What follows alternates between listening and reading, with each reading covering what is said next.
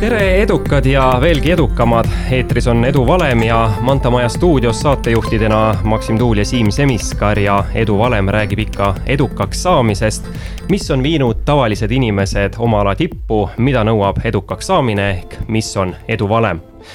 Siim, täna on eh, viies saade, peamiselt oleme rääkinud edust läbi juhtimispositsiooni ja üldse juhtimise. natuke oleme puudutanud ka raha teemat, et eh, mis sa arvad, millest meil täna juttu tuleb, kui sina juba meie külalist näed, aga ära veel nime reeda no sa ise mainisid selle tegelikult oma jutus ära. me hakkame rääkima sellest, mis põhimõtteliselt kogu maailma käima paneb. ja mis see on? raha muidugi aga tere tulemast stuudiosse, investor, viiekümne protsendi klubi asutajaliige, rikkaks saamise õpiku või õigemini lausa õpikute autor Jaak Roosaare. tere. no kuidas sissejuhatus eh, sobis, vastas tõele? kõlas uhkelt Jaak, aga sul on tegelikult siin täna kaasas veel eh, kaks inimest, et oleme siin stuudios lausa viiekesi, et. Eh, ma segan vahele, see on selle stuudio rekord peaks olema et eh, miks need inimesed siin on ja mis eh, rolli nad eh, täidavad? meil on siin Sander ja Joona-Liis ja nemad on täna töövarjud, et täna on siis kahekümne esimene november, mis on rahvusvaheline või vähemasti äh, rahvuslik töövarjupäev, nii et äh, täna on siis hea võimalus äh, mitte ainult näha minu tavalist kontoritööd, vaid ka siis saada Manta Majas podcast'i tegemisest osa aga laseme siis äh, töövarjudel ka ennast tutvustada, et rääkige lühidalt, et kes te olete ja miks te Jaaku jälitate? tere, mina olen siis Sander ja tulen Tartust Hugo Treffneri gümnaasiumist ja sattusin niimoodi läbi tutvuse siis Jaagu juurde töövarjupäevale, sest et mind on samuti see see finantsteema ja rahaasjad alati huvitanud ja kuna ma olen enamus raamatutest, mis Jaak on kirjutanud, läbi lugenud, siis väga, tundus väga põnev valik Äh, tere, minu nimi on Joona-Liis ning äh, mina tulen Tallinna kahekümne esimesest koolist. Äh, Jaagu juurde läbi tutvust ei sattunud, ise kirjutasin sügise alguses ning tundus, et läks õnneks, nii et samuti olen Jaagu raamatuid lugenud ning haarasin võimalusest. Ma küsin kiirelt, et mis kell teil Jaaguga see päev algas, et kas see salvestus on esimene asi või te olete siin juba ringi sõitnud? Äh, see salvestus ongi praegu esimene, aga ilmselt tuleb pikk päev. ja läheb kella üheksani välja, et ma ei hakanud äh, noori traumeerima hommikul äh, laste kisa ja, ja oma ujumise trenniga. et ei olnud viis kolmkümmend, peavad sinu juures olema ja? ja võtsime vabalt aga meil on saates traditsiooniks, et me räägime ikkagi alguses külalisest, kuigi Jaak, sinust on väga palju räägitud ja arvatavasti sellised äh, investeerimishuvilised ja, ja üldse rahahuvilised juba teavad äh, läbi ja lõhki. aga läheks ikkagi niimoodi ajas tagasi, et äh, lõpetasid keskkooli, kus sa keskkooli lõpetasid ja mis sa siis tegema hakkasid? mina käisin koolis siis Tartus ka, Descartesi lütseumis ja mm, raha teema huvitas mind väiksest peale, et kasvasin sellises äh, põnevas ajajärgus üles, kus äh, just äh, rubla hakkas ära minema ja kroon hakkas tulema, et kes siis selle põlvkonna inimesed on, need ilmselt mäletavad, et vahepeal oli selline aeg, et inimestel oli palju raha, aga ei olnud midagi osta selle eest ja siis üleöö tekkis selline aeg, kus oli palju asju, mida osta, aga kellelgi polnud raha. et siis ähm, kuidagi sealt, ma arvan, hakkas mulle külge see raha teema ja üldse see mõte, et, et miks on nii, et osadel on võimalus asju osta ja teistel ei ole aga siis ütleme, kui kooli ära lõpetasid, mis sa siis hakkasid tegema, läksidki kohe tööle, läksid ülikooli? no kuna tahtsin enda raha väiksest peale saada, et siis tegelikult äh, ma juba põhikooli ajal tegin niisugust väikest äh, oma ettevõtluse moodi asja, et äh, see sai alguse nii, et vanemad lasid minul ja mu vennal poes käia ja meil oli diil, et saime taas selle mündid nagu endale jätta ja siis äh, mingi hetk ma mõtlesin, et äh, võiks teha siis sellise asja, et ma tavalise poe asemel käiks hulgilaos, ostaks nagu oma raha eest suurema koguse ja müüks siis nagu poehindadega vanematele edasi, et saaks nagu rohkem kui ainult need sendid. muidugi see sendid on ka hea harjutus, ma soovitan lastevanematele, et see sunnib arvutama poes, et, äh, et ma üritasin alati nii teha, et arve oleks siis nagu kolmteist null üks või midagi säärast ja siis hästi suur pettumus oli, kui kassapidaja ütles, et las see üks sent jääb siis, et aga aga jah, et siis äh, tegin niisuguse väikse poe, siis sealt äh, paar suve hiljem kasvas selline päris nagu müügiputka välja, et äh, et ma siis suviti müüsingi šokolaadi ja Coca-Colat seal sportlastele eh, spordilaagri hoone juures. ja siis eh, keskkooli ajal siis ma avastasin, ma olin, ma arvan, et ma olin kümnes või üheteist, kümnes klass, siis ma avastasin aktsiad enda jaoks ja sealt siis hakkas investeerimishuvi pihta. et see poe lugu on sul raamatutes ka kirjas, et eh, ma tahan nüüd saada kinnitust, kas see on päriselt ka nii juhtunud või nii-öelda raamatu jaoks oli vaja üks hea lugu nagu välja mõelda? sa mõtled, eh, millist just see poelugu, see, jaa. ja see ikka suhteliselt vähese ilustusega sai sinna kirja, et eh, et ma arvan, et mulle see pood, eh, mulle meeldis see sellepärast, et kuna väiksena ei saanud poest nii palju asju osta, kui tahtsid, siis mulle lihtsalt meeldis asju osta ja kotiga koju vedada, et et see oli nagu hea, hea harjutus ja ja ma arvan, et oli muud moodi ka kasulik, et isa juhendas mind siis, kuidas nagu raamatupidamist pidada ja sain seal hinnakirja teha ja õppisin, õppisin sealt, et hind peab lõppema üheksakümne üheksaga ja, ja nii edasi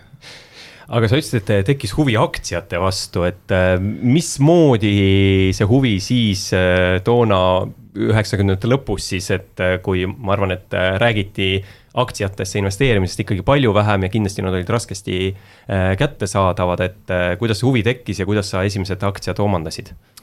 minul tekkis huvi läbi ühe raamatu, et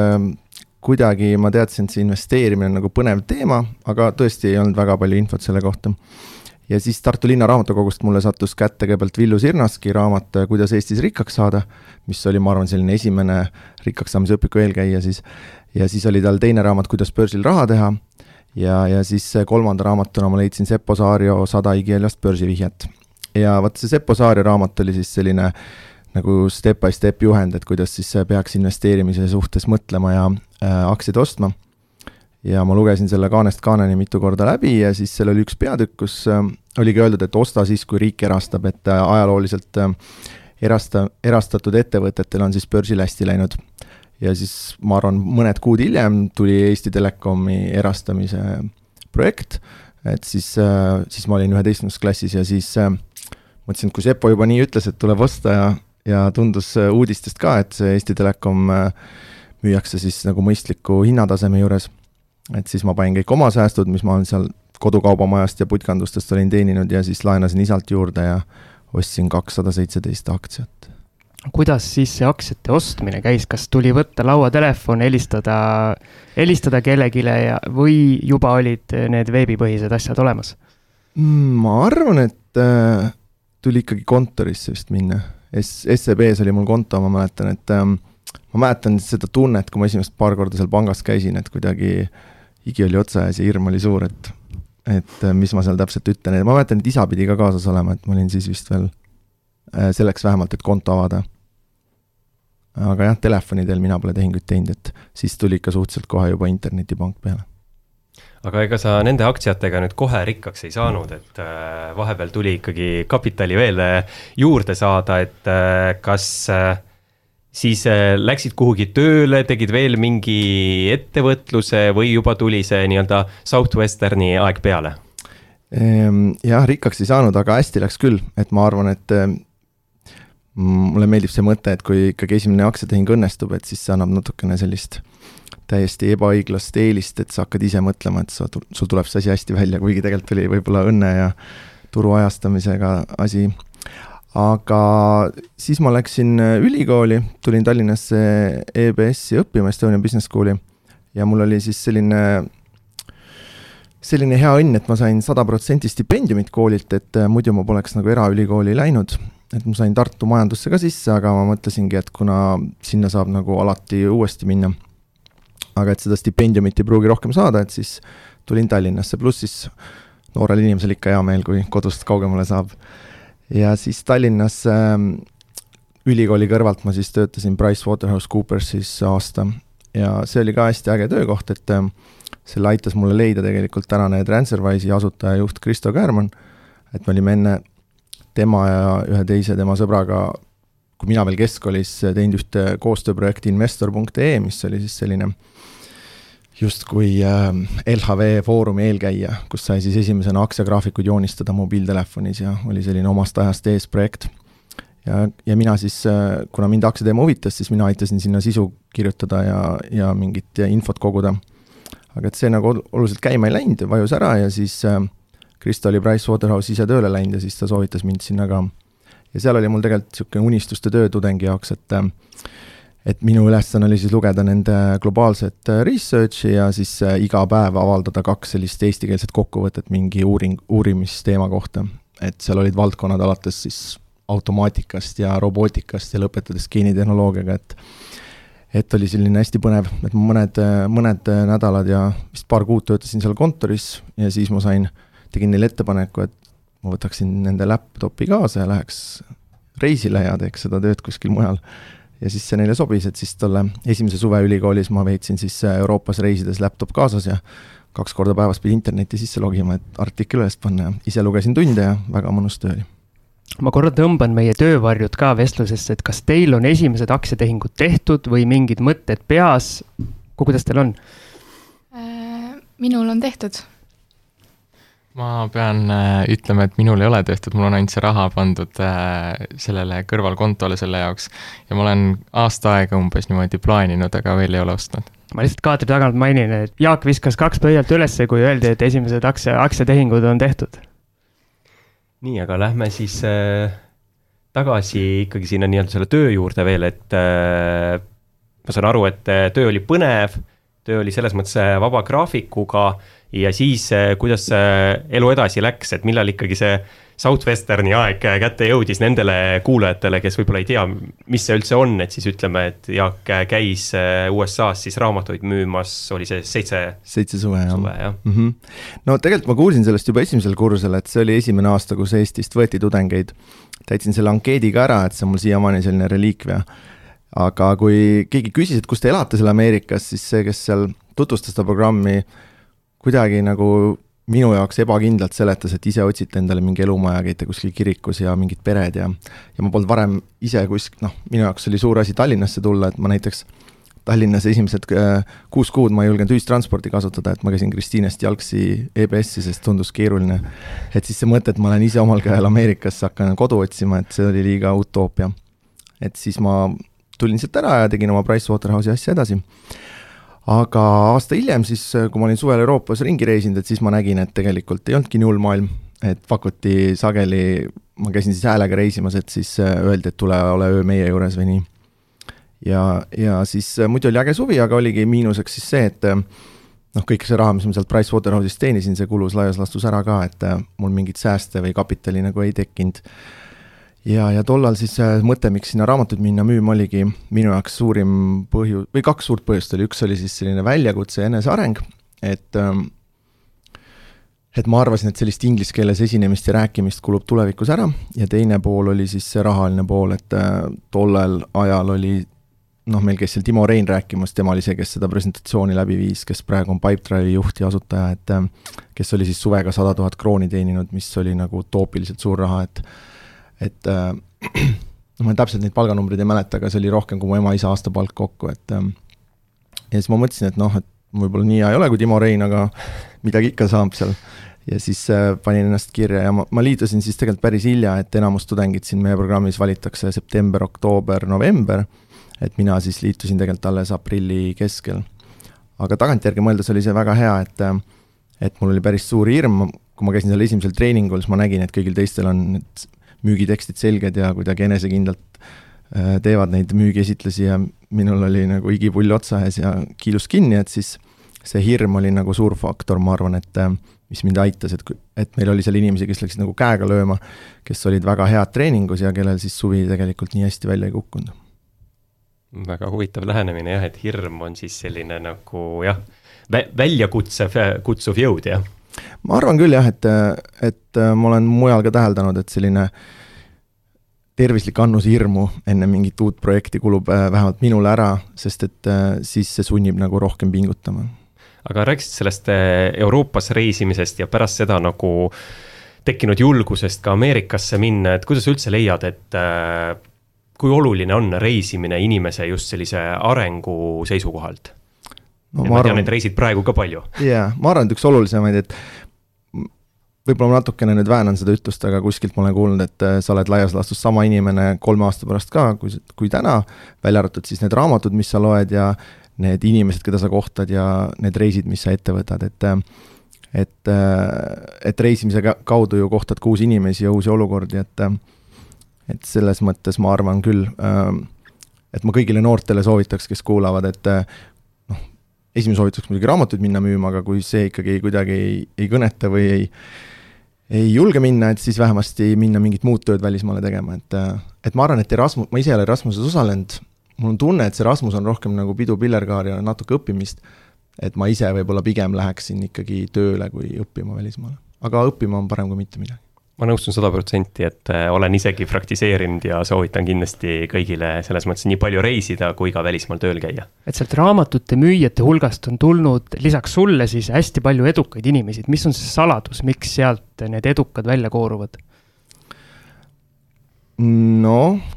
ma arvan, et ähm, eks ta mõnes mõttes on nagu eelselektsioon, et sinna jõuavadki inimesed, kes on ka natukene edumeelsemad või vähemalt äh, kellel on mingi suurem nägemus enda tulevikust või, või julgust.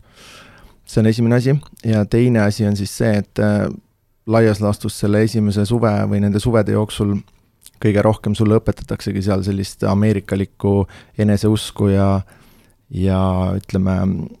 äh,, self-talk'i inglise keeles siis ma ei, teagi, enesesisestamist, et äh, inimesed õpivad siis selliseid edu põhimõtteid selle töö käigus. Ja, ja neid on võimalik niisama raamatust ka õppida ja, ja podcast'e kuulata, aga ma arvan, selle töö unikaalsus on see, et sa pead seda igapäevaselt ellu viima, et et seal on nagu see teooria ja praktika väga hästi kokku pandud ja on hästi intensiivne, et mina julgen küll öelda, et ma isegi esimese suvega õppisin rohkem kui, kui ülikoolis nagu vajalikke asju, mida igapäevaselt kasutada aga ma saan aru, see on täiesti selline nii-öelda ukselt uksele müügitöö ja mis on need raamatud, mida te müüte? Need on ajas päris palju muutunud, et kui mina alustasin, äh, esimene suvi oli kaks tuhat kaks, et siis me müüsime sellist äh, entsüklopeedia või Ene sarnast toodet või seal oli pool sellest raamatust oli sõnaraamat ja et ta oli selline nagu teatmeteos. et nüüd on ta järjest rohkem liikunud selliseks äh, justkui kodutööde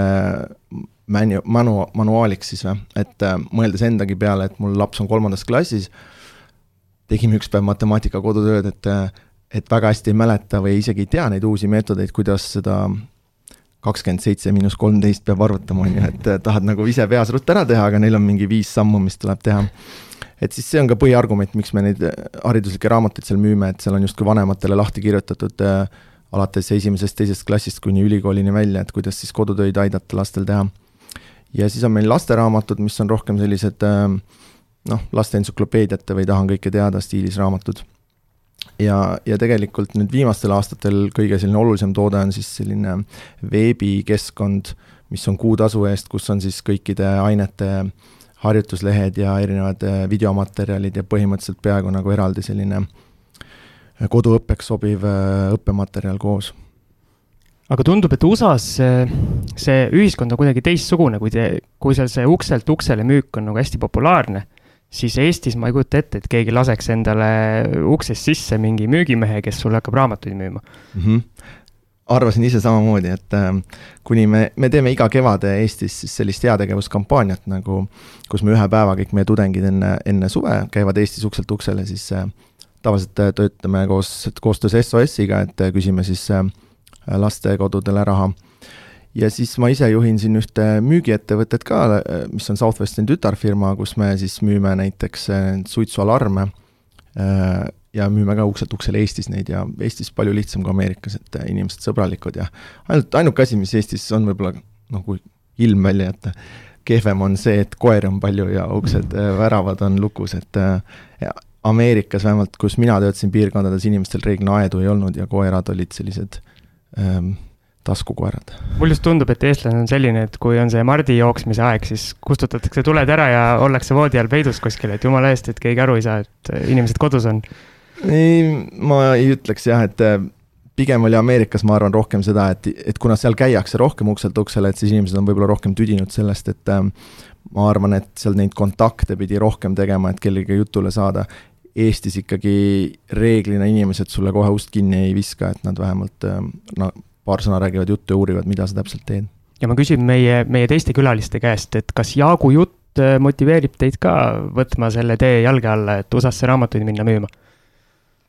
mina ei ole ennast kunagi ette kujutanud sellist tööd tegemas, et võib-olla see on lihtsalt kuidagi nii utoopilisena mulle lihtsalt tundunud, aga ega ma otseselt ei julge midagi välistada ka, et eks,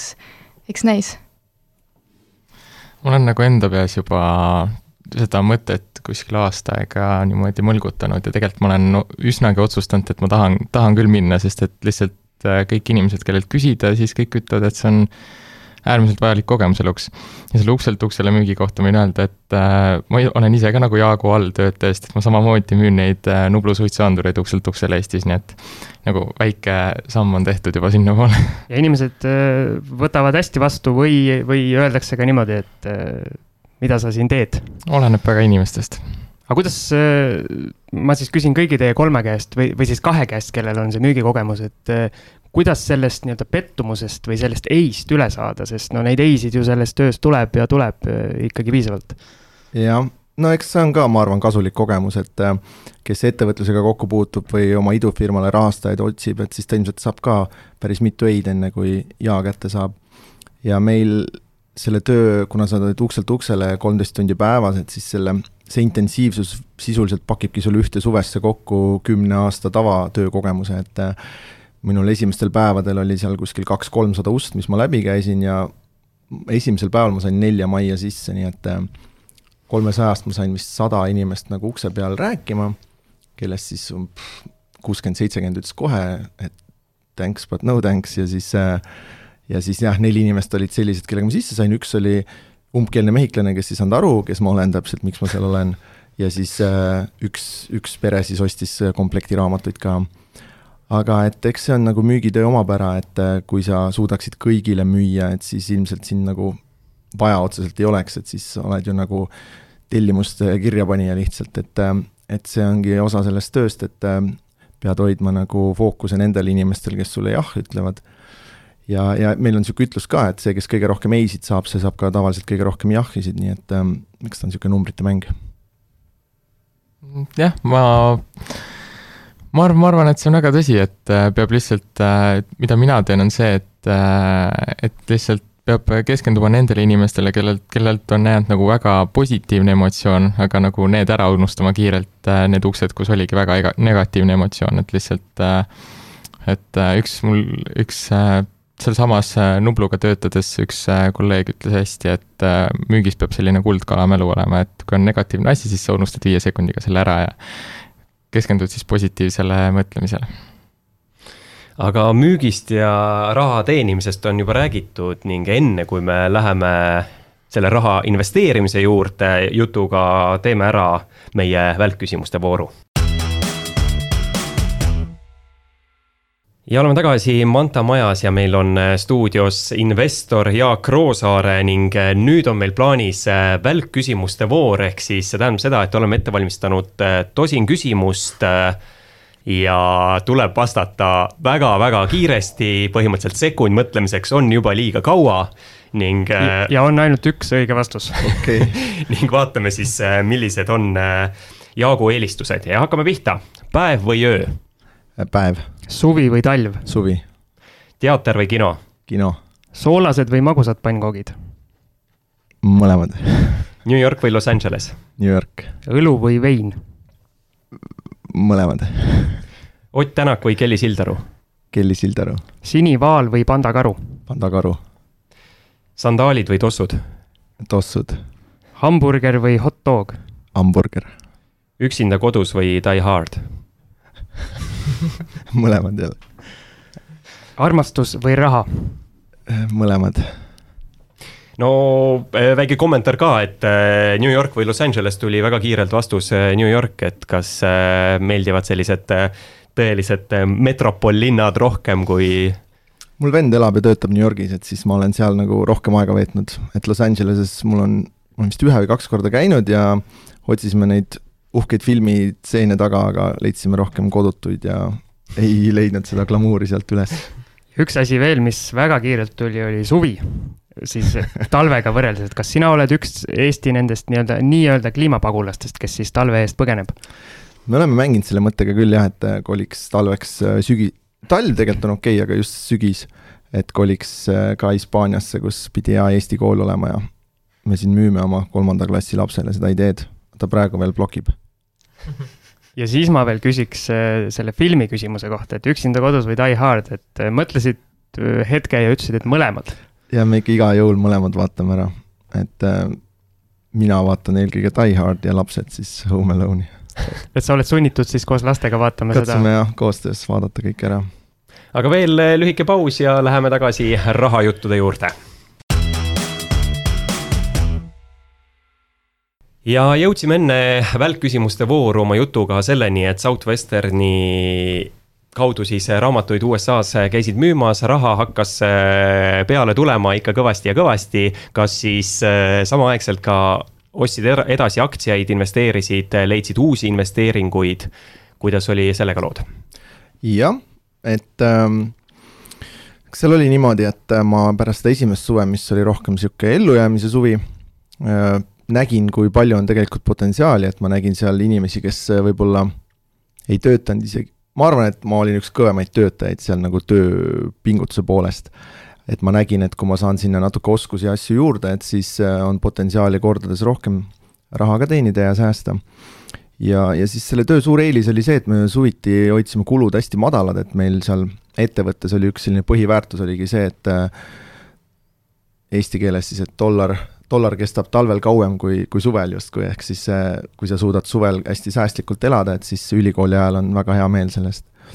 ja minul oli siis eesmärk alati vähemalt pool rahast kõrvale panna ja alates teisest suvest oli seal võimalus siis oma meeskonda ka kokku panna ja juhendada ja siis selle eest omakorda vastavalt sellele, kui hästi see meeskond raamatuid müüs, äh, said sa ka korra aastas boonust. et siis äh, mina tegin endale enam-vähem sellise reegli, et äh, kõik selle raha, mis ma selle oma meeskonna juhendamise pealt teenisin, selle ma siis proovisin ära investeerida, et see oli nagunii justkui boonuseks. ja enda elamiskulud siis katsin selle enda müügi pealt ära. ja, ja kuna mul ülikoolis oli see stipendium selline, et pidi keskmist hinnet hoidma A miinus, et muidu ta kadus ära, et ta iga semester justkui pikenes, kui hinded korras olid, siis äh, väga hästi sobis mulle selline variant, et ma ülikooli kõrvalt Eestis siis justkui mingit tööd ei teinud, et keskendusingi õppimisele ja ja investeerimisraamatute lugemisele. ja, ja suvel siis äh, jällegi tegin kõvasti tööd ja ma arvan, et äh, noh, Eestis on kindlasti teisi ka, kes on palju lugenud investeerimise osas, aga ma ikkagi tudeerisin kõik äh, raamatud, mis vähegi investeerimise või ettevõtluse või marketingiga seotud olid EBS-i raamatukogus läbi, et äh, ma arvan küll, et seal ülikooli ajal ei olnud kedagi, kes nii palju lugenud oleks kui mina. ja siis nüüd on eriti hea võimalus, on LHV-l väga hea investeerimisraamatukogu, et siis sealt ma ka käisin ikkagi viis-kuus raamatut korraga koju vedamas et kuna alguses oli kapitali vähe, siis tuli nii-öelda virtuaalselt tegeleda, et lihtsalt lugeda selle kohta. ja, ja siis noh, see teekond, ma arvan, investeerimises oli nagu ikka, et äh, alguses fondid ja siis äh,, siis üksikaktsiad ja siis äh, mingid veel hullemad instrumendid, mingid optsiooni asjad, et äh, vaja ikkagi kõik omal nahal ära proovida ja ära näppida. et siis ma tegin oma vanematele kolmanda pensionisamba mingi aeg maksin sinna ise raha sisse, siis kui nad said viiskümmend viis, siis cash isime välja. ja mingeid muid nippe-trikke. aga kui tulla veel tagasi korraks sinu meeskonna moodustamise juurde, et äh, sa said selle siis moodustada nendest, kes äh, kandideerisid sinna ja kas äh, pidid siis ise neid kuidagi juhendama ka? jaa, et see oli teine, võib-olla tagantjärgi vaadates, nüüd on mul päris mitu aastat möödas sellest, võib-olla isegi kasulikum kogemus üldise elu jaoks, kui, kui puhas müügitöö oli just see meeskonna ehitamine, et et jällegi meil oli selline selles mõttes hästi intensiivne programm, et lihtsalt öeldi, et noh, pane meeskond kokku ja ise hakkasid siis mõtlema oma kandidaate otsima, et meil ei olnud mingit sellist korporatiivset värbamisinimest või, või mingit CV-keskust, kes siis aitas neid otsida. ja mina siis lisaks Eestile ma töötasin kaks aastat Leedus ja ühe aasta Poolas ka, mis oli ka väga tore kogemus, et et äh, kunagi äh, ma olen ühe korra elus kandideerinud nagu nii-öelda päris tööle ka, et äh, Procter ja Gamble otsis endale Ida-Euroopa mingit müügijuhti ja siis, kui ma sinna kandideerisin, siis peamiselt sellepärast, et näha, et kas, kas on nii, nagu meile räägiti, et see Southwesterni kogemus on väga hea. Et siis ma võitsingi selle suuresti tänu sellele, et neile väga meeldis see, et inimene oli oma kulujakirjadega nagu läinud teise riiki ja hakanud seal siis mingit meeskonda kokku panema, et et seda tööd tehes ma mäletan vahepeal, kui ma seal Leedus istusin ja järjekordne tudeng nagu saatis SMS-i, et äh, lugesin selle töö kohta ma ikka ei taha minna kuhugi Ameerikasse ukselt uksele, jõid oma kohvi seal vaikselt üksi kohvikus, et siis mõtlesin, et miks ma seda teen kõike, aga aga et siis jah, kui ma sinna tööintervjuul kandideerisin, siis ma sain aru, et et tegelikult tudengina, noorena tasub teha raskeid ja ebameeldivaid asju, et siis maksab häid dividende tulevikus aga tänasel päeval kahjuks veel töövarjude käest ei saa küsida, kuna päev alles algas, aga et milline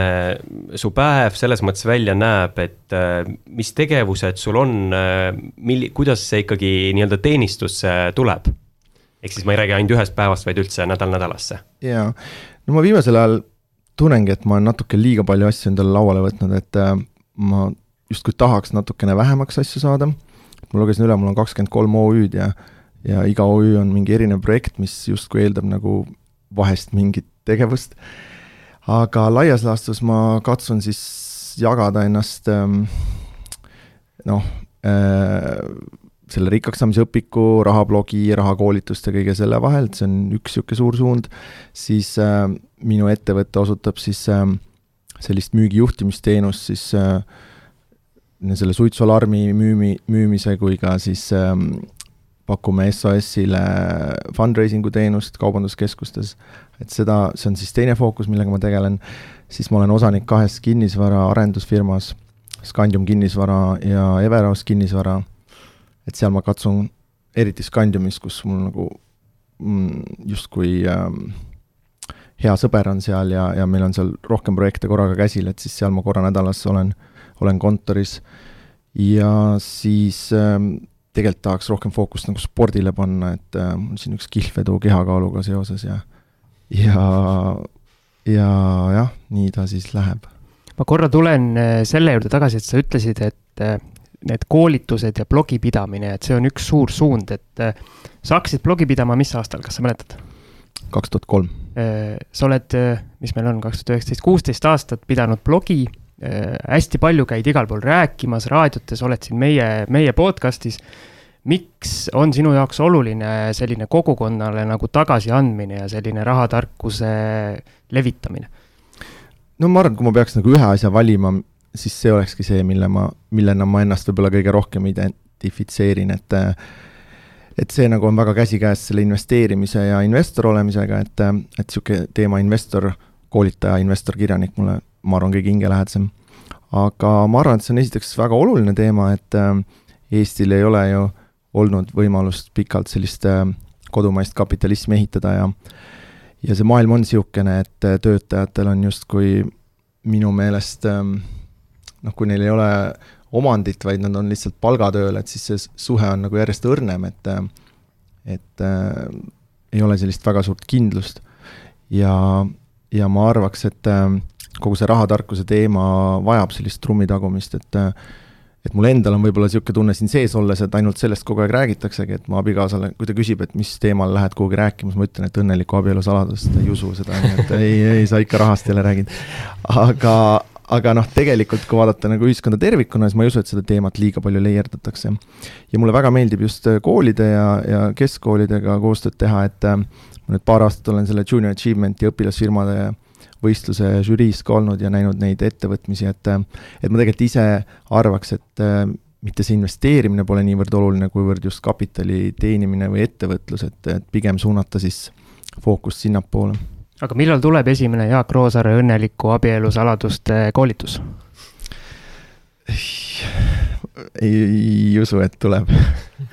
ja siis äh, selline küsimus, et Eesti ilmselt oma väiksuse tõttu siin tahetakse kõigile oma valdkonna arvamusliidritele külge pookida ette sõna staar, et eh, sinu puhul ja näiteks Kristi Saare puhul on ka levinud eh, staarinvestor. kuidas sa sellesse suhtud?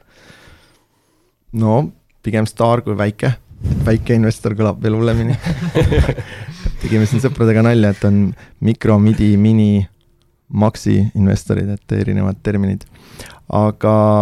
eks ta on, sellest võiks küll eraldi koolituse teha, et kuidas justkui jätta muljet, et sa oled mingis valdkonnas ekspert, et äh, isegi lugesin mingit blogi kunagi selle kohta, et äh, noh, ma näiteks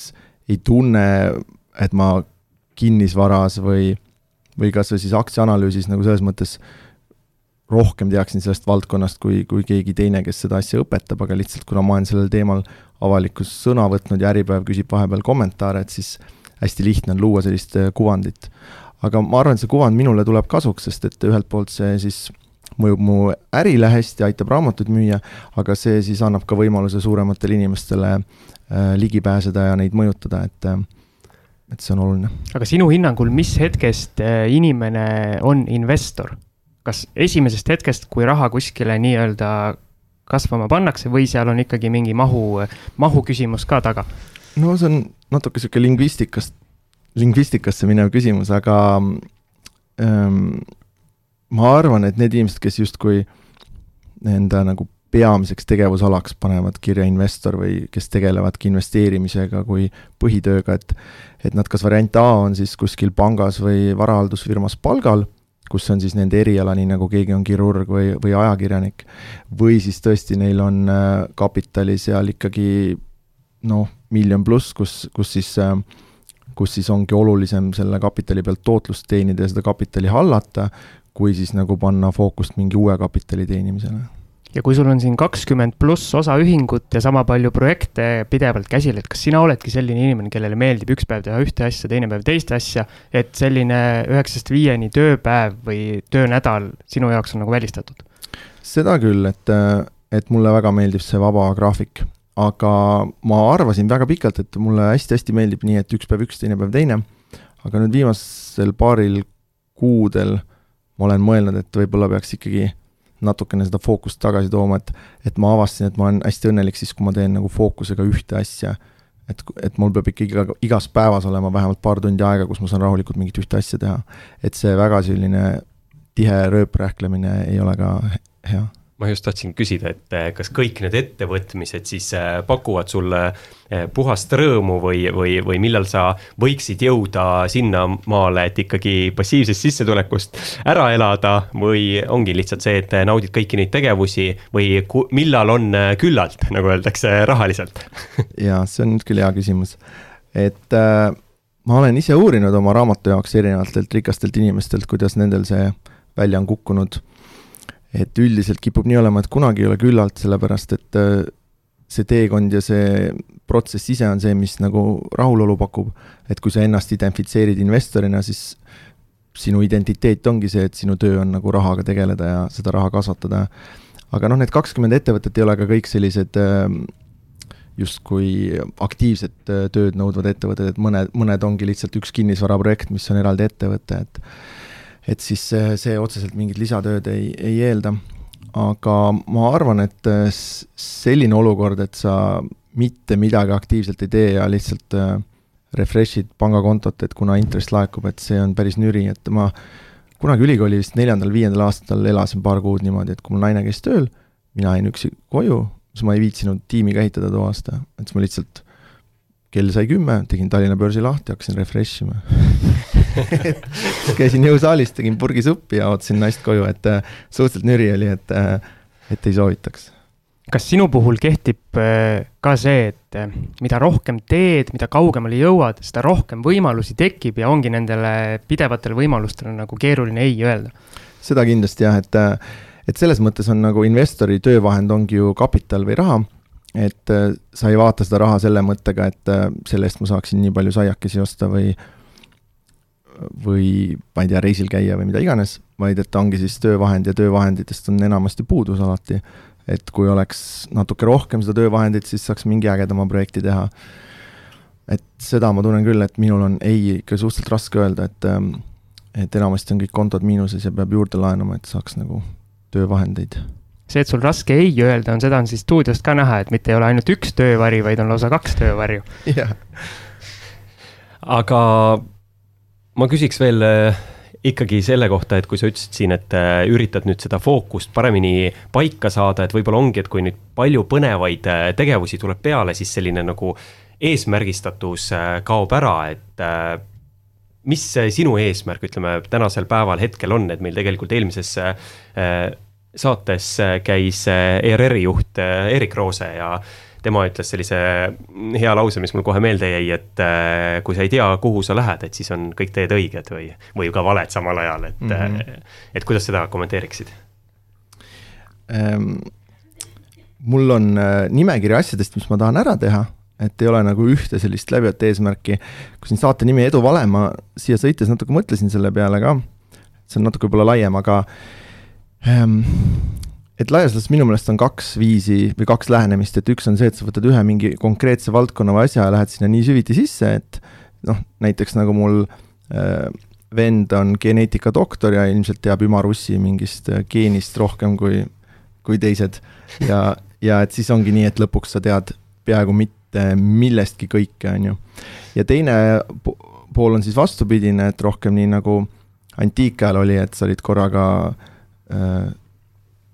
eks ole, tegid arhitektuuri mingeid joonistusi, maalisid, laulsid, mängisid klaverit, äh,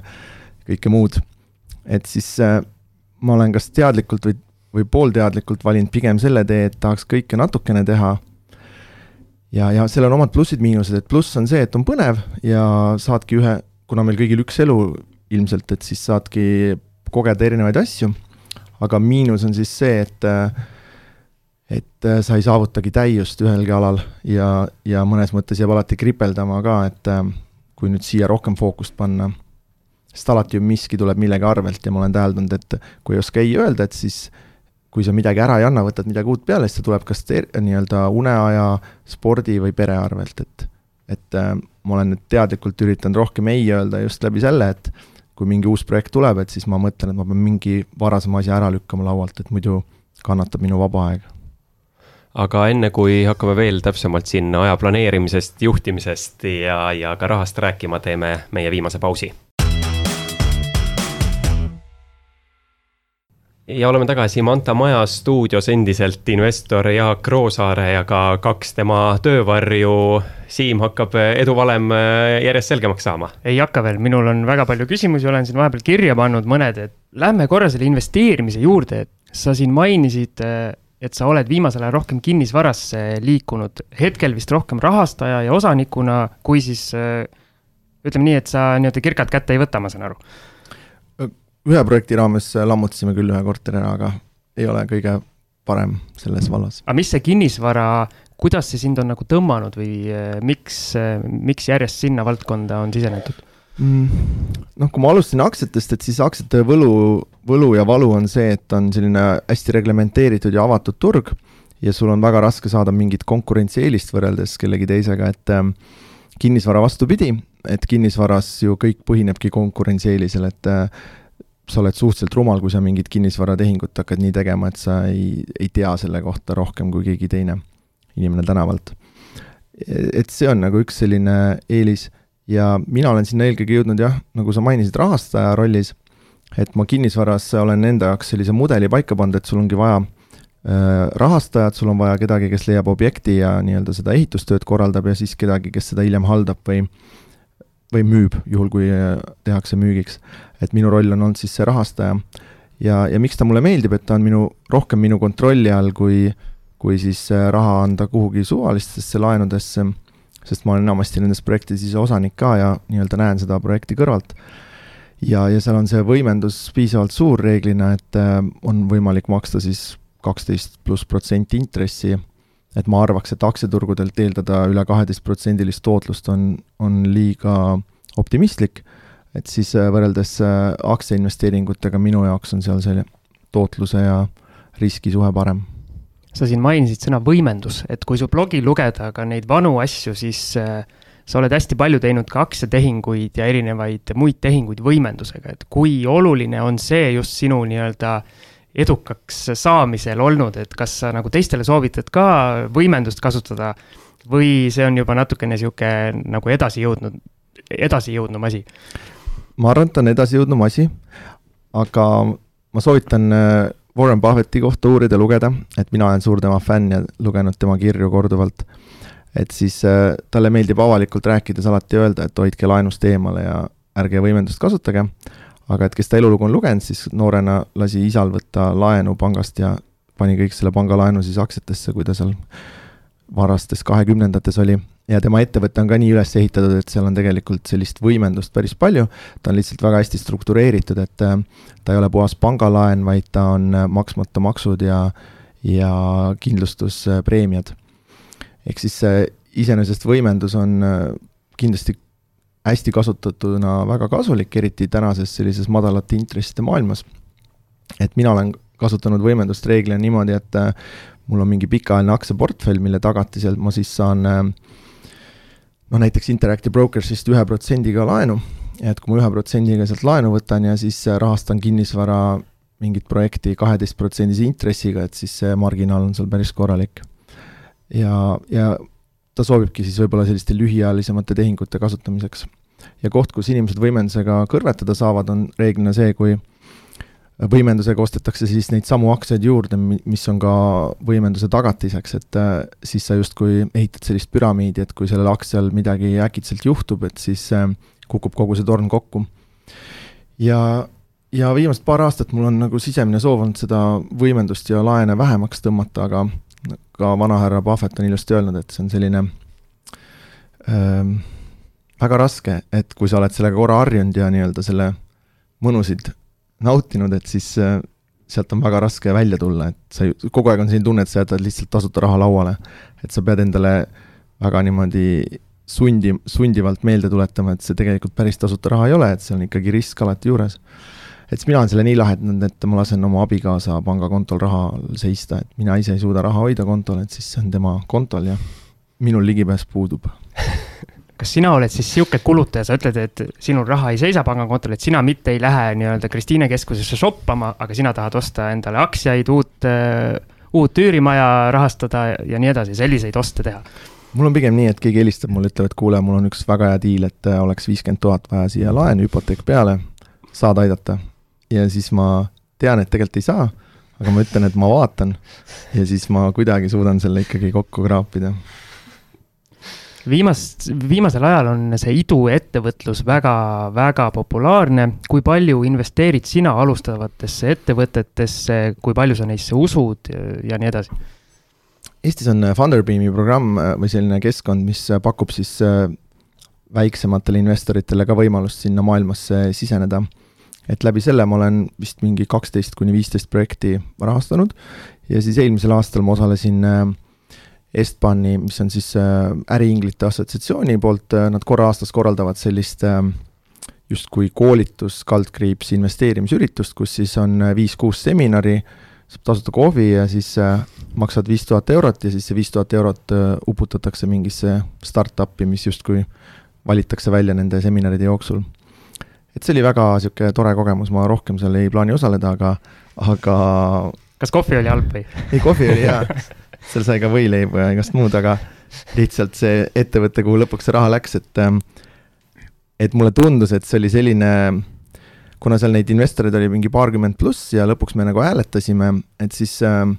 et see oli selline nagu justkui mõnes mõttes nagu ähm, valik, mis kellelegi väga ei meeldinud, aga keegi ka nagu, kellelegi ta nagu ka väga noh, vastu ei olnud, et, et põhimõtteliselt selline grupi otsustus, et no valime kõige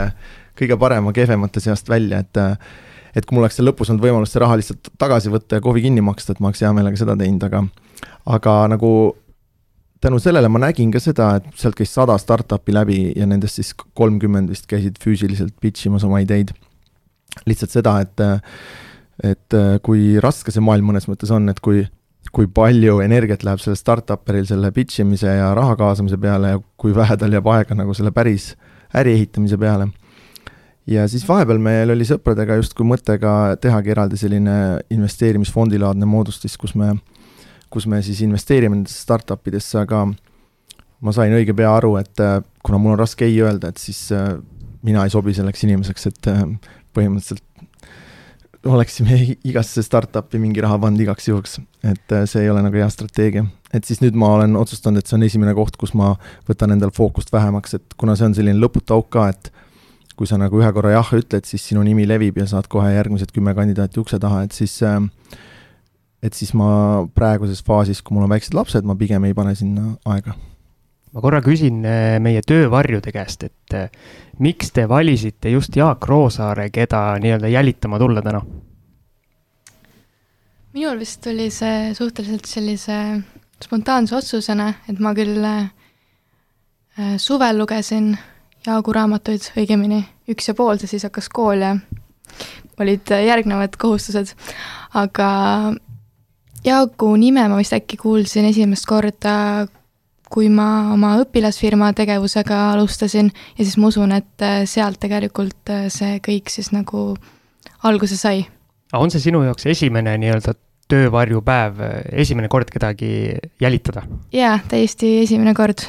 Ei olnud üldse isegi aimu, et mis see päev siin toob, aga aga väga, väga ootasin ja siiamaani olen küll rahul olnud. no ma valisin sellepärast, et, ähm, et äh, mul ei olegi justkui mingit kindlat sellist elukutset, äh, kelle, kelleks ma nüüd pärast äh, gümnaasiumiks siis tahan õppima minna. ma mõtlesin, et läheksin äkki piloodile töövarjuks, aga siis ma mõtlesin, et ma ei hakka Nordicasse või Air Balticusse kirjutama, et tundus natuke ulmeline, aga samal ajal mulle meeldib väga ettevõtlus ja see pakub pinget mulle. ja, ja siis äh, alguses üritasin ühele enda tuttavale, kes on Jaagu hea sõber ja kuna tal, temal oli siis kohad täis, siis mul tuli kohe mõte, et äh, tegelikult Jaagule paistaks ka väga vinge tulla. aga kui levinud noorte hulgas see on, et tahetakse minna edukate inimeste töövarjuks? Ma ei, ei oska öelda, see oleneb jällegi väga inimestest, et äh, oma sõpruskonnast ma võin öelda, et see niivõrd levinud ei ole, aga, aga ma arvan, et see kogub aina rohkem populaarsust.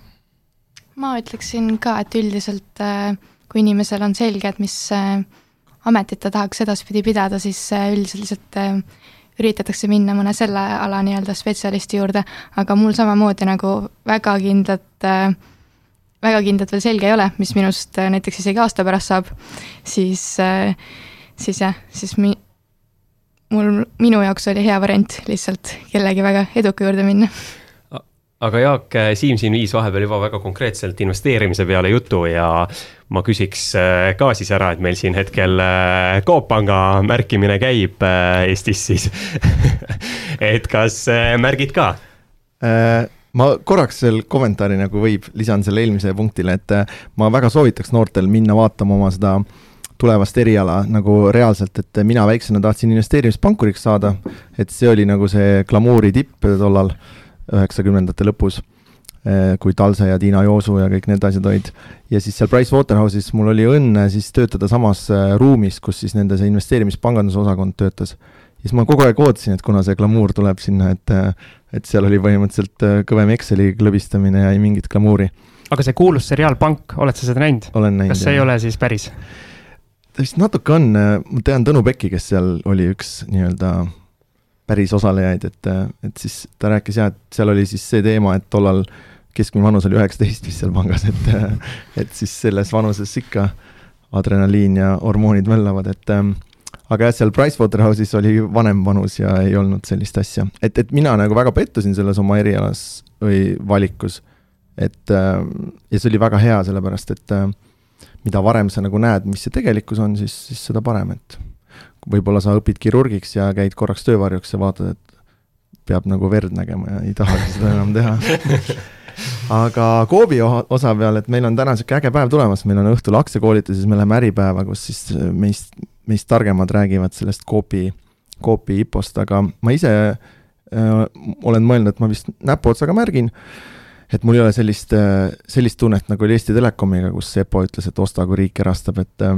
pigem mul on nagu meeles äh, Arko Vara ja Eesti Ekspress ja sellised turu tipust turule tulijad mäletan Eesti Ekspressiga ma tegin endale mingid aastatellimused Päevalehele, et saaks maksimaalselt palju aktsiaid ja ja seal vist oli võimalus nagu kasumit ka välja ka saada. et äh, võib-olla ma ise pigem kats-, katsetakski seda meetodit, et äh, kiirelt sisse, kiirelt välja, et ajalooliselt neid IPO-sid pole Eestis väga palju olnud, kus oleks äh, miinuses avanenud see aktsia, et aga ma arvan, et kes tahab nagu kümme pluss aastat seda aktsiat hoida, et siis ähm, ei maksa nagu kohe võtta täispositsiooni, et ähm, küll tuleb mingi aeg, kus äh, Coop Pank ja teised ka pihta saavad majanduslanguses, et siis saab pangaaktsiaid reeglina palju odavamalt osta. ma korra tulen veel su töövarjude juurde, et sa ütlesid, et sa oled aastaid eh, noori enda juurde nii-öelda õppima võtnud. kuidas on eh, Eesti noorte rahatarkus üldiselt, et kuidas sa tunnetad, kas eh, neid teemasid jagatakse järjest rohkem või see nii-öelda tase kuidagi püsib samana? Ma arvan, et see on väga hea, aga see on jällegi väga subjektiivne, sest ma arvan, et minu juurde tulevadki töövarjuks need, keda see teema huvitab. ja, ja tänapäeva maailmas on nii, et kui sind mingi teema huvitab, siis kõik info on sul kahe hiirekliki kaugusel, et, et see on nagu väga-väga äge. ja, ja ma arvan, et pigem ongi siis oluline, et sa võimalikult varakult oma selle huviala üles leiaksid. et äh, kui sa ei tea keskkooli lõpuks, mis sind huvitab, et siis see on nagu raske case, ma arvan, et, et siis on vaja ruttu-ruttu erinevaid elualasid vaadata ja proovida, et ähm, et mina teadsin ikkagi suhteliselt nii noorest peast, kui ma mäletan, et ma tahan rahaga tegeleda, et kas siis enda raha või kellegi teise rahaga, vahet ei ole, aga, aga rahaga tahaks tegeleda. aga küsime siis otse noortelt, et kuidas on tänapäeva noorte rahatarkus ja kui palju räägitakse omavahel investeerimisest, rahast või on need üksikud, üksikud nii-öelda objektid? ma arvan, et see on väga seinast seina, et äh, nagu ka Jaak ütles, siis kindlasti äh, teatud hulgal on see väga hea, keda see huvitab, näiteks äh, noh, kui ma vaatan enda klassi, siis ma usun, et see on kindlasti äh, keskmisest palju parem, aga seda ka ilmselt ka sellepärast, et niisugune ettevõtluse ja kõik see teema on meil väga selline nagu koolis, kooli poolt juba äh, toetatud, et meil on niisugune majandus, matemaatika ja kõik see, kõik sellised asjad, mida vist üldiselt ei ole, aga jah ma arvan, et äh, kindlasti on paljudel ka veel pikk tee minna. ma ei tea, ma jällegi oskan nagu enda kes-, enda koolikeskkonna põhjal öelda, et äh, no noh, see, ma usun, et see rahaline tase, rahalise nii-öelda tea-, rahaline teadmise tase on nagu hea, aga niimoodi investeerimisest kui sellisest rääk-, rääkida saab siiski, ma arvan, nagu päris vähestega. et äh, ma usun, et paljud siiski nagu tahavad, et äh, neil oleks nagu igakuine sissetulek äh, nagu rohkem kui kulutused ja et rahaasjad oleks kontrolli all, aga võib-olla just sellise nagu kasvatamise peale rohkem ei mõelda aga mul on siin lõpetuseks ikkagi veel mõned äh, konkreetsed eduvalemi küsimused ka, et rääkisime siin täna sellest, et, et sulle meeldib reisida, sest see arendab. Kui ei olnud raha investeerimiseks, siis lugesid palju raamatuid ka, arendasid ennast, et kas sa arvad, et eduvalemi siis üheks aluseks on see, et ma viskaks õhku sellist kaks tarkusetera, et ära otsi kiiret edu, vaid tõsta oma väärtust ja siis, et sa saad elult mitte seda, mida sa vajad, vaid seda, mida sa väärid. ma oleks nõus nende lausetega küll nüüd läks nii tiibiks ära, aga selles mõttes, et ikkagi ütleme, kui siin äh,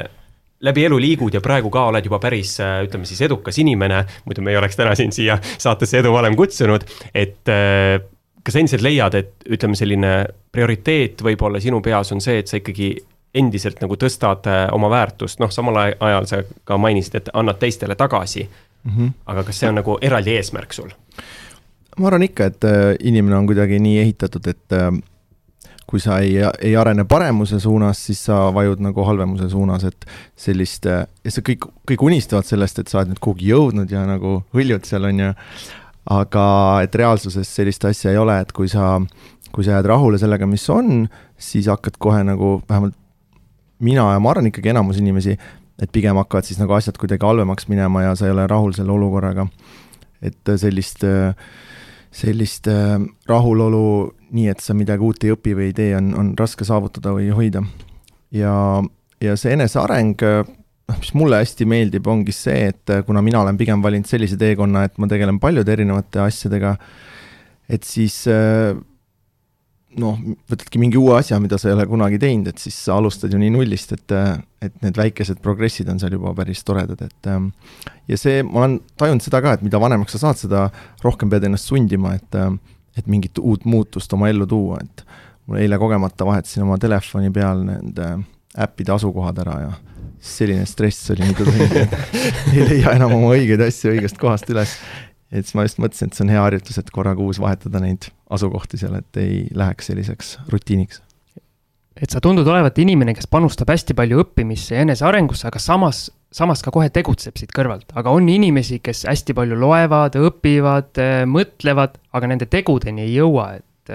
kas sa näed ise ka seda, et äh, mõned inimesed ei jõuagi seda tegutsema, et neil juba teadmisi ajab üle ääre, aga. jah, no eriti investeerimises, ma arvan, on see, et äh, ma ütleks, et üheksakümmend pluss, võib-olla üheksakümmend viis protsenti pluss inimestest ei peaks ju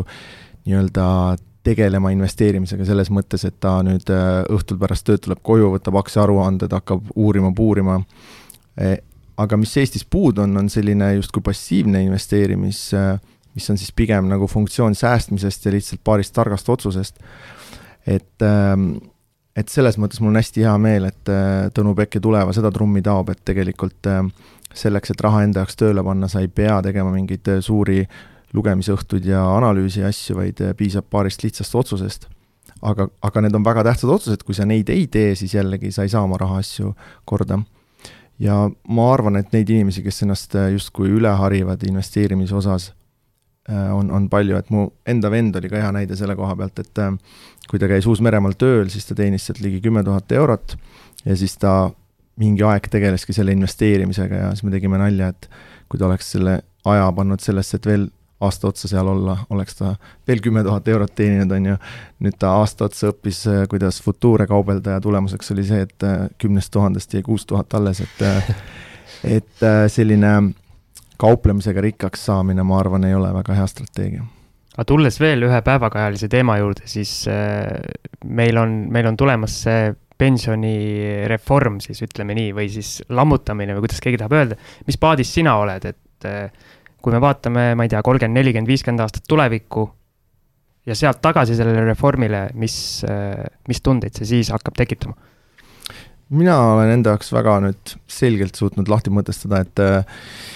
et nii teine kui kolmas sammas annab sulle võimaluse kõige odavamate kuludega indeksfondis raha koguda, lisaks saad veel mingit riigiboonust, et ma ei näe küll põhjust, miks keegi teine peaks hakkama seda et mul on mõned inimesed küsinud, et okei okay,, ma võtan sealt raha välja, et kust ma saan siis nüüd mingeid odavaid indeksaktsiaid hakata ostma, et et noh, see on nagu eriti jabur küsimus, et sul on olemas selline toode, kus sa ei maksa ei ostu eest, ei müügi eest, halduse eest maksad minimaalselt ja siis sa tahad selle kuhugi oma kontole võtta, maksta tulumaksu ära ja siis hakata sama asja ise tegema. et ma alguses olin väga nagu skeptiline just selle riigi koha pealt, et järsku kuidagi neid seadusi veel muudetakse, aga aga ma arvan jah, et ähm, et äh, nüüd, kus see väljavõtmine on justkui natukene lahtisemaks läinud, et, et minu jaoks see suurim probleem seal oli see, et kui ma kogusin selle raha ära, siis ma ei saanud seda kuidagi mõistlikult kätte. et kolmanda sambaga on see nüüd suhteliselt lihtne ja teise sambaga tehakse ka lihtsamaks, nii et äh, ma pigem ütleks, et selles mõttes äh, on ikkagi pluss, et see reform tehti. et kuigi seal siis rumalatel inimestel on võimalus see raha kohe ära põletada, et siis ähm, noh, seda ka ei saa keelata, et ma oma olemuselt olen ikkagi selles mõttes nagu sellise maailmavaatega, et inimes-, inimestel peab olema õigus ise otsustada oma asjade üle, et. aga kui palju neid rumalaid inimesi saab olema, mis sa arvad? no see on nüüd müügimeeste südametunnistuse peal, et et ma kujutan ette, et kui me teeme ettevõtte, mis kaubanduskeskustes hakkab müü-, müüma inimestele ideed, et võtke see raha välja ja paneme siia uude fondi, et siis äh, nii palju, kui me müügimeestele maksame, nii palju neid inimesi hakkab olema, et, et äh, inimeste rumalus pidi piiritu olema ma küsin noorte käest, et teil eh, ilmselt veel pensioni, pensionikontosid ja asju ei ole, et aga kuidas teie seda, kogu seda diskussiooni nagu kõrvalt vaatate? on mingeid mõtteid tekkinud äh,? ma olen äh, kuulnud äh, üht kindlat arvamust, et see nagu äh, on võimalik, et see toob kaasa siis nii-öelda kunstlikku, kuidas ma ütlen, et majanduskasvu, mis tegelikult kokkuvõttes ta ikkagi äh, noh, omab ikkagi vastupidist efekti ja ma nagu ma ise tunnen, et eh, pigem ma ka nii väga, nii entusiastlikult sellele ei vaata, aga samas ma saan aru, et siin on tõesti, et väga palju erinevaid eh, nurki, kus seda vaadata. ma usun ka, et, et nagu oht selles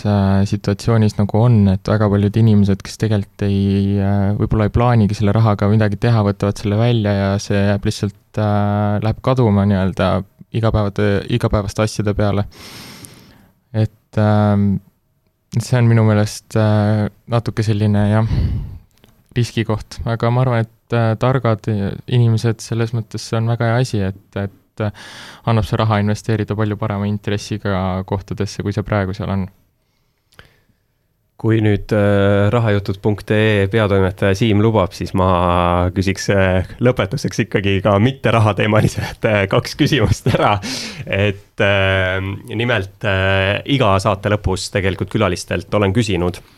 need kaks küsimust ja esimene nendest on, et kui sa nüüd ise välja tooksid, et mis võiks olla edu valem, et kui sa proovid nüüd vastata, ma ei tea, ühe-kahe lausega või tuues välja kolm-neli-viis punkti mulle endale meeldib selline mõte, et äh, mida vist Peep Vain on Eestis õpetanud ja Anthony Robbins nagu globaalselt, et, äh, et elu, elu on natukene nagu selline jalgratas või rat-, ratas siis, mis koosneb erinevatest sektoritest. et, äh, et jällegi see on sinu jaoks otsustamise koht, kui sa tahad olla mingis sektoris maailmaklass, siis sa pead nagu ohverdama teisi sektoreid äh,, aga mina enda jaoks pigem üritan neid sektoreid enam-vähem võrdselt hoida, et ma olen nagu hea pereisa, ma olen hea äh,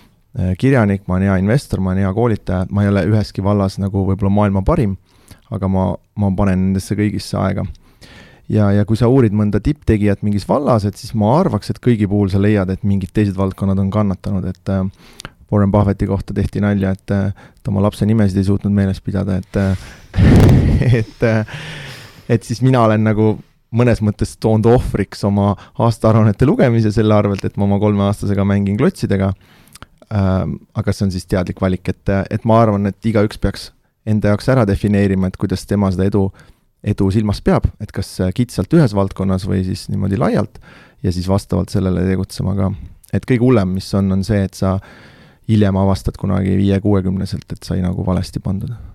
aga noh, lõpuküsimusele nagu alati meie külalised vastavad pooleldi ära eelneva küsimusega, aga ikkagi, et miks sa iseennast edukaks pead Äh, nagu me oleme öelnud, meie peame, me kutsusime su siia saatesse Edu Valem ja sa tegelikult mainisid ära, et balansseerid siis kõikide asjade vahel, aga võib-olla ma ei tea, kas siis kõige tähtsamad äh, valdkonnad või miks sa oled edukas enda jaoks? ja no kui investeerimisest rääkida, et siis tegelikult äh, see koosneb ju kolmest komponendist, koosneb kapitalist, koosneb ajast ja koosneb tootlusest. et minu eelis on ilmselt olnud aeg, sest ma olen tegelenud sellega viimased kakskümmend aastat et äh, mul ei ole kahekümne aasta jooksul kord, kordagi olnud hetke, kus mul ei oleks mingit investeeringut või aktsiapositsiooni. ehk siis äh, ma käisin hiljuti Seppo Saarjal külas, kes on kaheksakümne ühe aastane Soome selline legendaarne rahakuru, kes tuleb esinema ka Eestisse ja, ja tema on ju investeerinud kuuskümmend aastat ja, ja kui sa teed liitintressi harjutust Excelis, võta mingi täiesti turu keskmine tootlus, pane sinna natukene alginvesteering ja kuuskümmend aastat, siis tuleb päris edukas tulemus ja siis minu teine eelis on olnud kindlasti kapital, et kuna ma olin sellisel, sellisel tööl, kus mul oli tulemustasu ja ma töötasin USA ela, elatusstandardi järgi ja ma kulutasin samal ajal Eesti standardi järgi, ehk siis äh, ma suutsin seal säästa parimatel aastatel üheksakümmend pluss protsenti. et siis äh, see oli selline tegur, millest võib-olla avalikult nii palju ei räägita, aga, aga mis mõnes mõttes on olnud teine suur faktor ja see tootlus, eriti algaastatel ma ei usu, et oleks olnud nagu äh, kuidagi turust väga palju erinev või, või kõrgem, et igaüks peab ikka oma vitsad saama. aga noh, viimastel aastatel mõnes mõttes on nii, et tänu sellele, et äh, ma olen siis jutu, või noh, mitte jutumärkides, teie ütluse järgi edukas, on ju, siis äh, minuni jõuab ka rohkem mingeid häid äh, tehinguid, et inimesed leiavad mind kergemini üles ja, ja ma saan mõnes mõttes sellise konkurentsieelise oma valdkonnas, et et ma saan teha paremaid tehinguid kui tavaline inimene lihtsalt tänu sellele, et need tehingud jõuavad min-, minuni esimesena aga aitäh, Jaak, stuudiosse tulemast ja töövarjudele soovin siis põnevat päeva ja jälgimist Jaagu seltskonnas ning kuulajatele tuletan kindlasti meelde, et meie podcast on leitav rahajutud.ee portaalis ja loomulikult oleme kuulatavad kõikides suurtemates podcast'i äppides ning järgmine saade juba taas kahe nädala pärast, kohtumiseni. Kuulmiseni. nägemist